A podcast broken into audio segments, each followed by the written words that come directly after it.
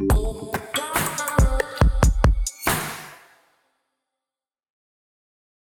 Dobar dan, dragi ljudi, ja sam Miljana. Vi gledate specijalno izdanje podcasta Snaga uma koje posvećujemo novim digitalnim navikama i koje realizujemo uz pomoć e, kompanije Visa koja je kao lider digitalnog plaćanja prosto prepoznala značaj konstruktivnih razgovora uh, o ovim važnim fenomenima.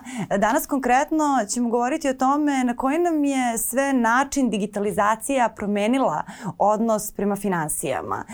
Koliko, koje su to mogućnosti koje nam je donela, ali koje možda strahove digitalizacija uvela i skepse u naše živote, da li postoje možda neke prilike koje ne koristimo baš zbog strahova.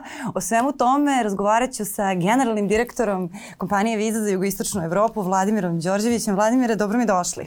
Dobar dan, bolje vas našao. Kako ste? Odlično, hvala.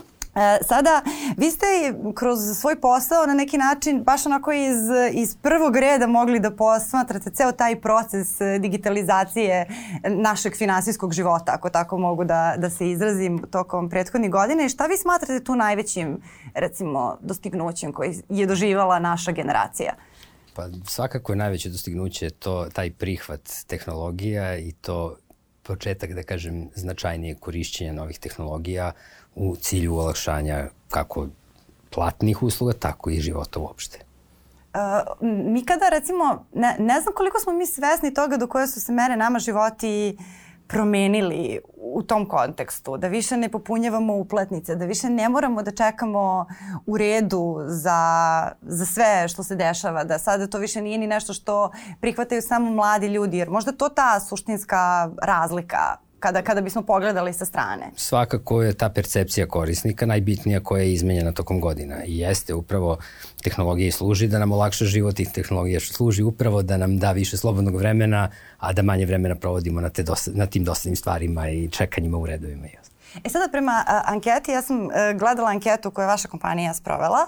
A, prema njoj 95% ljudi je reklo da najčešće kao, da uređaj koje najčešće koriste je mobilni telefon, što naravno smo na neki način, e, što su i neke brojke koje verovatno i odgovaraju i našim nekim a, osjećajima, a da je čak 60% ljudi nakon pandemije reklo da su im se navike mahom digitalizovale i da je pandemija bila taj a, prelomni trenutak trenutak e, u kom smo kao možda otvorili svoje vidike za neke stvari koje smo, koje smo odlagali. Koliko su se vaše navike promenile u ovom periodu? Pa svakako značajno su se promenile.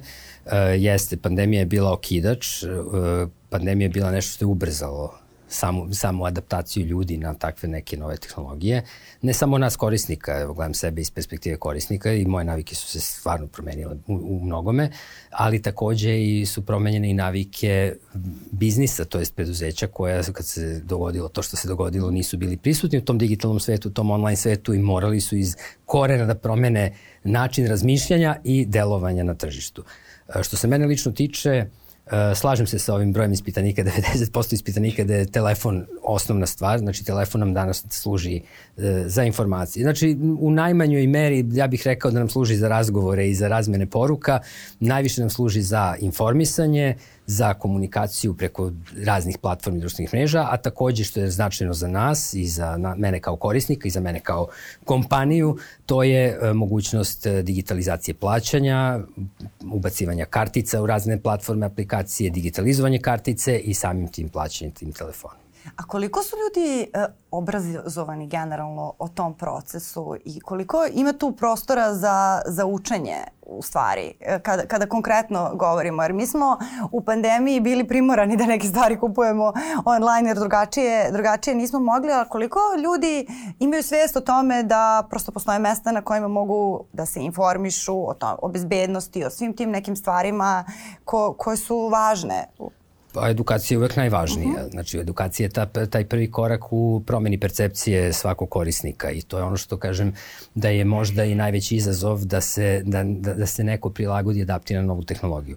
A, ono što mi radimo kontinuirano je edukujemo put, naše korisnike, naše klijente i korisnike, krajnje korisnike a, o prednostima digitalnih plaćanja, naši klijenti koji su banke koji izdaju naše kartice krajnjem korisniku takođe aktivno učestvuju u toj edukaciji. E, to se pokazalo samim tim na, e, kada pogledate i, i, i procenat korisnika mobilnih aplikacija bankovnih.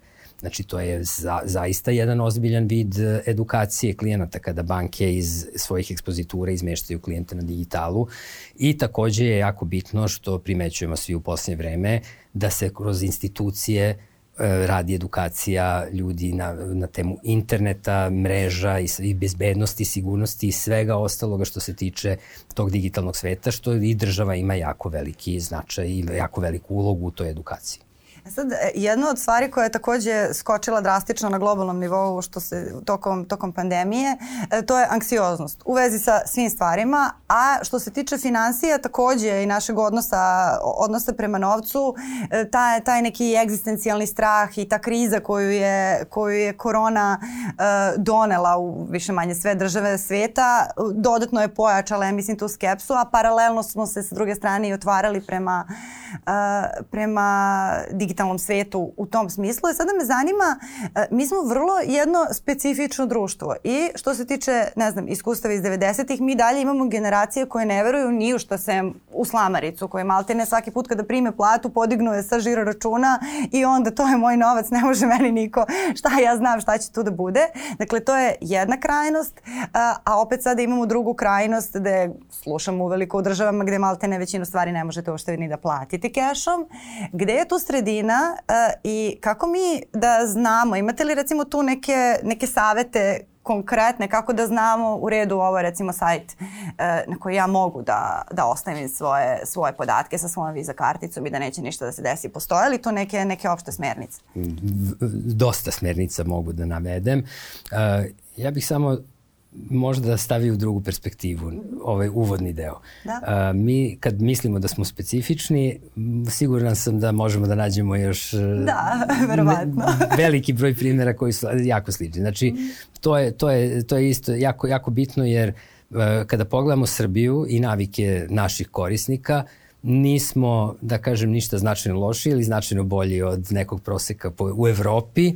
I e, to je dobra strana, jeste da smo imali loše iskustva, naravno, ali je... Ali slamarica nije naša... Ne, slamarica nije naš, naš, nije naš izum, nije Dobre. naš izum svakako. Keš je i dalje tu i keš će uvek biti tu, nažalost, ali kažem da, postoje, postoje i mnogo, mnogo svetliji primjeri zemalja koje su se odlučile za digitalizaciju, koje su odlučile za bezgotovinska plaćanja uglavnom, ali postoje i zemlje koje su, koje su strogo ako orijentisane na keš. Kažem, mi nismo tu, mi smo tu negde zlatna sredina, svakako ima mnogo prostora za unapređenje i ono što je bitno e, da dodam, e, posle svih, e, da kažemo, nedaća koje smo imali tokom proteklih 30 godina, e, kada je krenuo posao da se obnavlja, praktično priroda da se obnavlja, bili smo tu i da kažem u maloj prednosti jer smo krenuli da praktično e, od nule, ali sa raspoloživim novim tehnologijama. I to je možda doprinalo jako lepim rezultatima naših anketa gde se korisnici opredeljuju za digitalna plaćanja. Uh, ono što je bitno i što kažem mogu, možda mogu da dam iz svog primera, mm ono što je po meni jako bitno, e, to je svakako sigurnost i bezbednost. Digitalna plaćanja su možda, sad mogu slobodno da kažem, i najbezbednija. Bezbednije je imati digitalnu, da kažem, praktično ovaj, valutu nego, nego keš, jer ako izgubite vašu karticu, ako izgubite mobilni telefon gde su vam ti kredencijali kartice, ne, ne može svako da iskoristi, možete da blokirate i vi ćete sačuvati sva sredstva koje su na vašem računu. Kad izgubite keš, keš je otišao. Ne znate baš tačno koju ste novčanicu imali u vašem novčaniku. Tako da krećemo od tih najprostih stvari. To je bezbedno. Uh, svakako, svakako savet za svakog korisnika je. Uh, postoje dosta, dosta pokazatelja na samom sajtu, aplikaciji gde god se vrši plaćanje. To me zanima. To je, to je jako, jako jednostavno i opet kažem sve to je jedna kontinuirana edukacija. Uh, iz svog ličnog primjera mogu da kažem, uh, prva stvar je da se zaštitimo tako što nećemo davati svoje podatke, ostavljati svoje podatke bilo gde i bilo kome. Moramo da obratimo pažnju na detalje. Niko online ne može da traži nečiji PIN, niko ne može da traži online nečiju lozinku. To su stvari koje ni banka, ni bilo kakva kartična organizacija ne može da traži od korisnika. To je prvi pokazatelj da nešto nije u redu. Ono što je moj savet je uvek gledati da se sve online kupovine recimo obavljaju na sajtovima koji imaju na sebi logo Visa Secure. to znači da će ta transakcija biti bezbedna i da je korisnik svakako zaštićen od strane nas kao kompanije Visa, tako i svoje banke koja mu izdala karticu. To su, da kažemo, ono najosnovniji pokazatelji koji mogu da se vide uh, u toku same transakcije. Ja to recimo nisam znala uh, pre nego što sam krenula da radim ovaj specijal. Ukalo sam u razgovoru sa jednom vašom koleginicom to saznala. Moje, uh, moja bezbednost na internetu se svodila kao i većinu stvari u životu na socijalni kapital. Pitam nekoga da li je ovaj sajt siguran i onda kaže jeste, naručivala sam, naručivala sam i kao to, to je neka varijanta. Dakle, samo one, one portale, aplikacije za koje ja 100% znam otprilike odakle dolaze i tako dalje. Čim mi je nešto sumljivo, prvi put sam stvarno čula za, za, za, za taj logo, što je verovatno sramota, ali ne, daleko toga. svima nam promokne nešto. ali ovo je, ovo je jako dobar, dobar savet, eto i, i, i zaista postoji, ali ne razmišljam ja mnogo o tome, ali to ako je neko već imao znam pozitiv... dečka koji drži Tako ovu je, aplikaciju. Ne, vrlo, vrlo, vrlo tačno, da. Tako da ovaj, to je isto nešto što bi mogli da uvrstimo u listu saveta, ali jeste i taj, taj praktično e, ta preporuka je isto značajna, jer kažem, svi smo u permanentnoj edukaciji, svi moramo da naučimo nešto novo. E, rekli ste šta, šta smatrate najvećim, da kažem, izumom sada u ovom periodu. Kako mislite da će ovo da se razvija? E, ce, ceo taj, ceo, cijelo to naše, ajde, ako to mogu da nazovem platno iskustvo, tako smo, tako smo krenuli. Šta može da bude sledeći, sledeći korak? Da li tu postoje neke naznake u vašem svetu? Pa svakako da da. Mislim, nešto što je ovako neki globalni trend je ta veštačka inteligencija. Mnogo se ulaže i u razvoj, mnogo se ulaže i sigurnost, naravno, trudimo se uvek da sve bude bezbednije, ali e, da ta bezbednost ne utiče na iskustvo korisnika. To nam je, da kažem, neki balans, jer um, svakako da je svakome bitna sigurnost, ako je nešto sigurno, ne mora nužno da ne bude i funkcionalno i ovaj, lako za korišćenje. Tako da smo mi napravili sad neki balans. Uh, ono što nastavljamo da radimo je veća, da kažem, integracija te veštačke inteligencije da olakša svakom pojedincu da obavlja svoje transakcije lako. Ne samo ne, ne pričamo samo o platnim transakcijama, mi smo prisutni u mnogo više drugih sfera, znači u samom to, te, znači ta veštačka inteligencija u, u, u ovaj, sferi sigurnosti, takođe i tom user experience-u koji je jako bitan. Znači tu su te, te da kažem, nijanse koje će, koje će presuditi i gde će se, pretpostavljam, i veći broj uh, novih generacija lakše adaptirati i bit će im to kao što je nama nekada bilo vađenje novčanice iz novčanika. Da, to je sigurno i sigurno je da generacije koje sada dolaze uopšte nemaju taj odnos prema kešu koji, koji ima neka naša generacija, da ne govorimo generacije naših roditelja kojima je to verovatno potpuno, uh, potpuno jedna drugačija uh, priča. A da li uh, ljudi na neki način gube novac uh, ukoliko ne prate ono što im se nudi u ovom veku i u ovom celom dobu po pitanju digitalizacije i, i novih e, trendova i navika? Pa ne bih rekao da gube novac, ali ono što su prednosti svakako i što opet kažem nešto što je iz mog iskustva, što bih ja preporučio, um, samo vratio bih se možda, uh, znači nije gubitak, uh, više je nešto gde možete da imate povoljnost ako koristite nove tehnologije. Znači, da napravimo jednu paralelu. Uh, E, ja iz svog ličnog iskustva gledam da e, koristim i sajtove i aplikacije i da obavljam svoju kupovinu kod trgovaca koji prihvataju kartice, ajde da sad se izmestimo u ovu digitalnu sferu, digitalno. Znači uvek ću se pre, pre odpredeliti da kupujem nešto na sajtu ili na aplikaciji gde mogu da pohranim svoju karticu, kredencijale da. svoje kartice i da meni to lakše život da mogu na jedan klik da platim. I svakako uh, je sada tu deo koji trgovci nama pružaju, što kažem, nećemo mi izgubiti novac ako to ne koristimo, ali ćemo svakako negde profitirati ako to nešto koristimo. Uh, ono što je možda interesantno pomenuti, i to je vrlo, vrlo uh, lepo objašnjeno tokom pandemije kada se mnogo trgovaca, malih trgovaca, srednjih trgovaca prebacilo na taj, na, na, u, digitalnu, u digitalni svet. Uh, jednostavno, uh, neki trend globalni je bio pre 20, 15, 20 godina, da kažemo, uh, ta, ta digitalizacija, kada je sve, tu smo mi malo pratili druge trendove, malo smo kaskali za tim trendovima.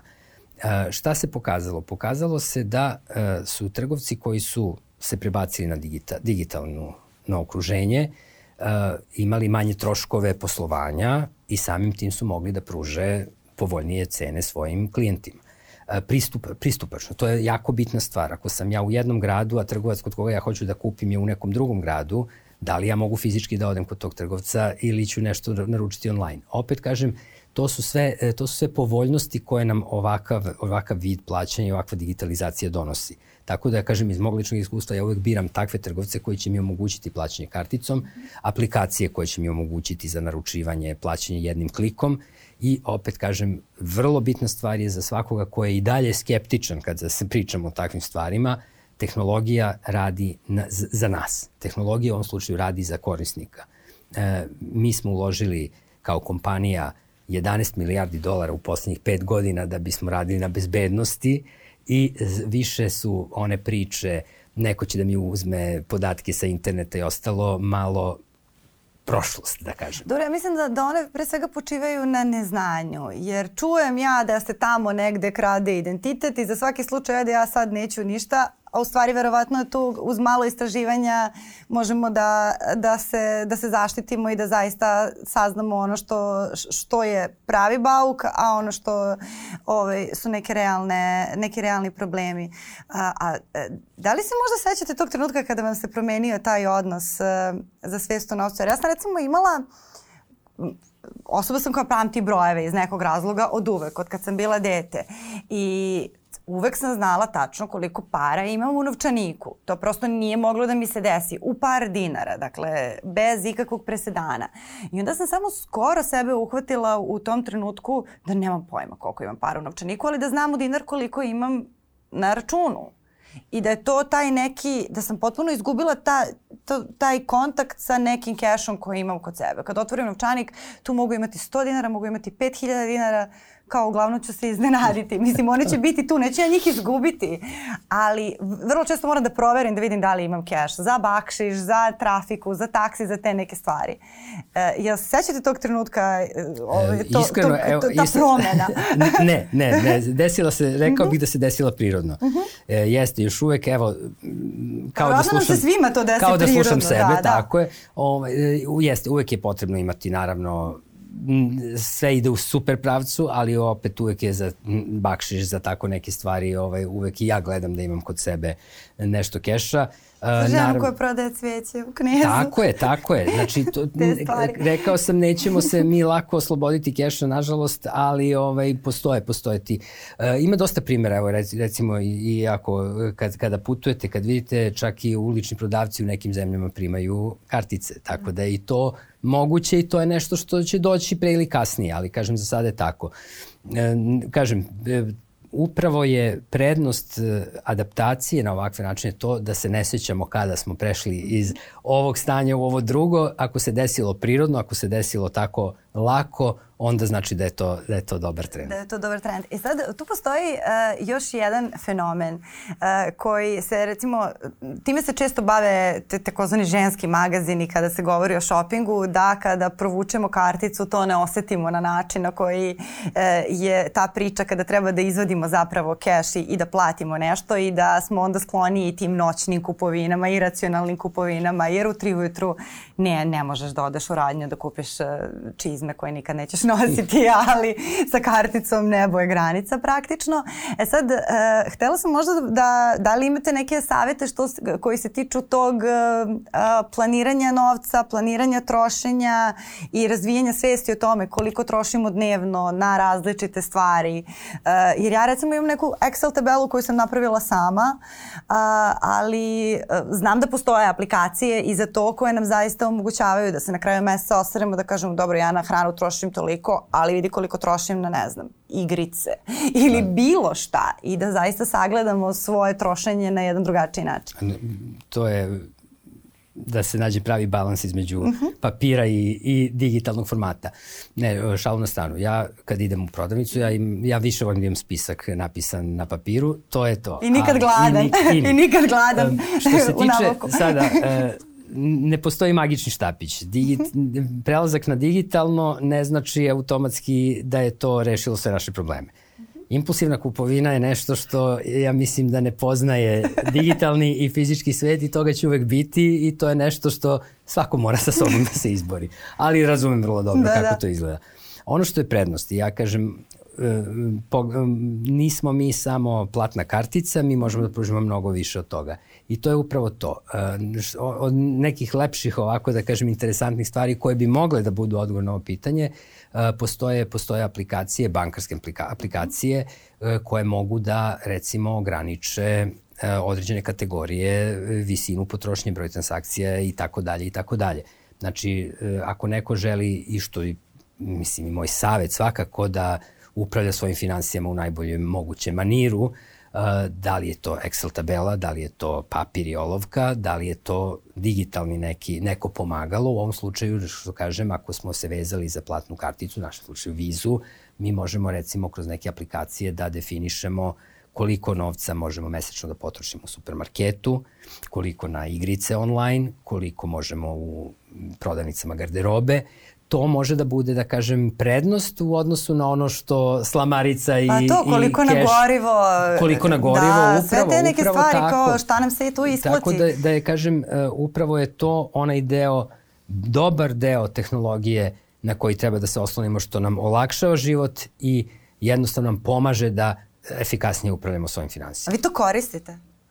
A, Pa trudim se što više. ja se trudim. trudim ja se. se trudim, des, desi mi se nekada da, da preskočim neki mesec, ali zaista ima efekta.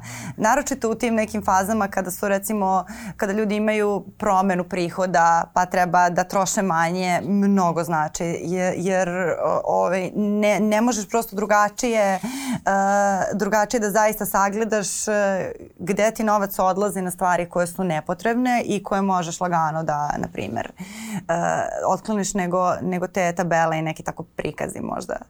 To je uvek dobar savjet. Uvek je dobar savjet uh -huh. i isto tako šta je prednost, evo, baš kad gledam iz svojih ličnih primjera. Uh, papir možemo da izgubimo, tabelu možemo da izgubimo. Sve transakcije koje napravimo, da li elektronski, da li karticom, da li nekim transferom, imamo istoriju tih transakcija. Da. I recimo desi se da ja pogledam transakciju od pre šest meseci, ako kupujem isto nešto što sam kupio pre tog perioda, da i mogu da uporedim da li sam tad platio skuplje ili jeftinije. Da li je to što sam ja kupio pre nekog vremena pojeftinilo ili poskupelo. Jo, ja bih se deprimirala kad bi to uradila. uvek možemo da se vratimo, uvek možemo da znamo gde smo potrošili, koliko smo potrošili, a ovo dodatno što smo pomenuli, da možemo i da ograničimo na određene kategorije potrošnje. A, I sad, pre nego što privedemo ovaj razgovor kraju, moram samo da, da vas pitam, pošto pomenuli ste um, taj Visa logo uh, kao neku vrstu garancije koju Visa daje sajtovima koji nam traže naše podatke uh, platne uh, na polju sigurnosti. Uh, da li možda imate još neki savet u, u vezi sa tim I, i da li mislite da će to bivati sve češće? Koliko će se taj, recimo, broj trgovaca i sajtova koji imaju tu vrstu plaćanja širiti u narednom nekom periodu? Pa svakako što vidimo da je trend pozitivan, uh, sve više, trgovci su sve više zainteresovani, uh, svaki trgovac koji se uključi svakako u, u Visa sistem je Visa Secure po da kažem, novim pravilima i e, to će svakako olakšati upravo ovo što smo pričali da će se naći Visa Secure logo i da će sve te transakcije biti bezbedne. Ono što mi kao kompanija radimo u saradnji sa partnerima na nacionalnom nivou je projekat Bolji način gde uključujemo kako fizičke trgovce, ali tako smo otvorili i za online trgovce, e, da, u, da e, uključimo što više trgovaca u digitalni svet i pored toga e, sprovodimo programe brzog onboardinga trgovaca u digitalnu, digitalnu sferu, tako da očekujemo, očekujemo vrlo dobar rast. Najveći rast u Srbiji se desio, da kažem, od 2016. na ovamo, ali sada mislim da će, da će biti sve više i više zainteresovanih trgovaca. Dakle, to je inicijativa Bolji način. Bolji način. A, I e, da li možda znate kakve su reakcije trgovaca koji su, koji su tek pristupili e, i možda bili skeptični, baš upravo onome što su rekli da idemo ka tome da će i ulični prodavci imati ove, opciju kartičnog plaćanja? E, pa s obzirom na sada mogućnosti, da li pričamo o terminalima, da li pričamo o telefonu kao terminalu, da li pričamo o online trgovcu, e, interesovanje je veliko i ono što pokušavamo je ne samo male trgovce i mala i srednja preduzeća da uključimo, takođe se e, da takođe imamo i podršku da se uključe i državne institucije, da olakšamo još više život svima nama ovde. A, a, da li imate možda neku procenu a, koliko je nekome potrebno vremena da može da kaže da se osposobio ili osposobila za digitalizovano plaćanje ili generalno za digitalizovane financije. Prosto zato što to je neka stvar sa kojom se mi svakodnevno kao većina nas to uči u hodu ali većina nas u hodu i zaključi da to nije za mene. e, I onda možda nije loše reći sedi, to ti je dva dana, pet dana, dva meseca. Mislim, koliko je vremena potrebno, sajtova, materijala, da neko kaže dobro, sad znam sve što treba da znam, znam sve što treba da izbjegnem i mogu da se uključim uh, u ovo doba. Pa ja mislim da je to jako individualna mhm. -huh. stvar. Svi mi koristimo pametne telefone, to više ne znam da li postoji neka generacija ili neka, neka, neka ovaj, uh, grupa koja ne koristi mob, pametni telefon. Uh, isto kao što se vrlo lako navikne neko da koristi portale za informisanje, da čita vesti ili društvene mreže, to je po meni isti proces, ista evolucija praktično prelaska na, na ove naše, vođenje naših financija. Uh, ja ne znam zaista šta bi to bilo loše iskustvo da neko kaže nije to za mene, uh s obzirom da je korisničko iskustvo trenutno zaista na zavidnom nivou, da su svi učesnici u ekosistemu plaćanja i financija dostigli taj stadijum da su i aplikacije, i informacije dostupne, lake, jednostavne za korišćenje. Tako da iskreno ja lično ne vidim razliku među korišćenja mobilnog bankarstva i Instagrama da, da. ili, ili tako nečega. Tako da mislim da je taj više predrasuda da neko kaže nije to za A, mene mislim, nego da, što da. je nego što je ovaj zaista tako ali to je opet edukacija i vežba ja mislim da su to dve ključne stvari. Da, da ja isto mislim da, da je to nešto što, što, što zapravo ne zahteva neku dugoročnu edukaciju, da to nije nešto čemu mi sada treba da posvetimo ne znam koliko vremena, da u trenutku kada otvorimo tu knjigu da ćemo shvatiti da je veoma jednostavna i da, da, da nam je proletela, ako bi se tako, tako mogu reći. Sad kako privodim i ovaj razgovor kraju, ali ovo je i poslednja e, epizoda u, u ovom našem specijalu koji smo e, posvetili e, novim digitalnim navikama. Dakle, bavili smo se E, digitalnim navikama u psihologiji, u komunikaciji, e, u odnosu prema našem zdravlju, u odnosu prema financijama i u odnosu prema kreativnosti. I sad nekako kada, kada bih e, uspela da, da, da izvučem neke zajedničke imenitelje za sve te razgovore koji obuhvataju naše različite aspekte delovanja i života, mogao bi zaključak da bude taj da nama nove digitalne navike i nove tehnologije daju neke velike mogućnosti, nove mogućnosti, da naravno nam daju i neka no, neke nove prostore za proklizavanja. Možda treba da brinemo o nekim stvarima o kojima ranije nismo, ali da suštinski one ne mogu da zamene ono što se zove životna mudrost. To što ste vi rekli, ne mogu ja vaš impuls da rešim. Kao ja mogu karticu da učinim bezbednom, ali ne mogu vas da učinim odgovornom osobom, žao mi je. Uh, da, da prosto ne može da se zameni ta neki, neka životna mudrost. Ja mogu čitati on, online knjigu koja je klasik i mogu čitati uh, nešto što će me na neki način zaglupljivati. Tako na svim, na svim poljima. I možda je i ključ u stvari uh, te neke uh, skepse Uh, upravo u tome što mo digitalne tehnologije ne mogu. Jer ja ukoliko ne umem da raspolažem svojim novcem, Tehnologija neće pomoći. Neće pomoći, a i ako umem, uh, u svakoj tehnologiji ću se vrlo, vrlo brzo uh, snaći. Kakav je vaš, uh, recimo, odnos, odnos prema tome? Da li ste se suočavali sa takvim razmišljanjima? Pa svakako da da. Opet kažem, vraćam se na onaj, onaj komentar da smo jednostavno, bar po ličnom primjeru, da sam se vrlo lako prebacio iz jedno, prilagodio, praktično da pričamo prilagođavanje. Ja sam bio uspešan čovjek i kad je bio keš i sad kartice i kad dođu roboti pa, da se razumemo. To, to, to, otprilike tako. to je taj Ali, ali ono što, što ja mislim da je bitno, tehnologija, ja zaista želim da gledam tehnologiju kao nešto dobro, da nam donosi dobro i da je koristimo u dobre svrhe da ne bude to frazeološki, da li jeste, tehnologija treba da nam pomogne. Ono što mogu da kažem iz svog primera, kao neki zaključak ili mudrost koju sam mogao da izvučem, to je definitivno da je bar meni u, ovom, u ovoj sferi tehnologija olakšala život značajno, da smatram da mi je pružila više vremena za druge stvari koje volim, pa da li se to čitanje knjige, izlazak, izlazak, provod ili šta god, e, da ja mogu dok pijem kafu da platim račune, da mogu da naručim nešto što znam da mi je potrebno, a da ne moram da odem nekim, da izgubim vreme da odem do nekle, da to platim, da se vratim.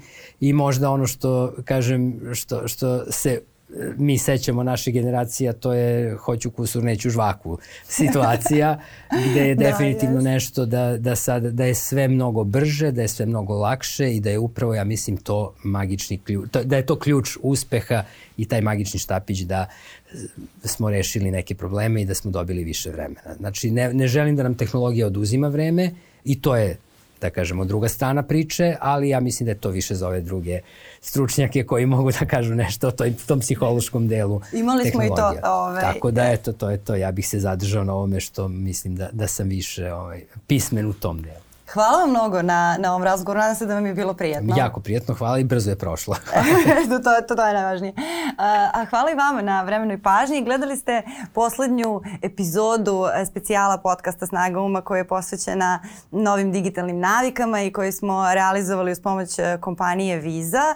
A, e, pozivam vas da odgledate i preostale četiri epizode gde smo se bavili načinom na koji je digitalizacija uticala na naš odnos prema psihologiji, prema zdravlju, a, prema kreativnosti i prema načinu na koji e, komuniciramo. E, takođe moram da se zahvalim i kompaniji Visa što je prepoznala ovaj naš mali prostor za konstruktivne razgovore kao vredan. Visa je kompanija koja ima jednu onako jako lepu istoriju u društvenoj odgovornosti e, i u podržavanju sadržaja koje mi smatramo kvalitetnim, tako da nam je drago da smo se našli u lepom društvu. Ceo specijal podcasta Snaga uma o digitalnim navikama emisijama možete pratiti na YouTube kanalu Nova S, na portalu Nova RS i na vašim podcast platformama kao i podcast Snaga Uma. Želim vam e, prijatan dan ili prijatnu noć. Prijatno.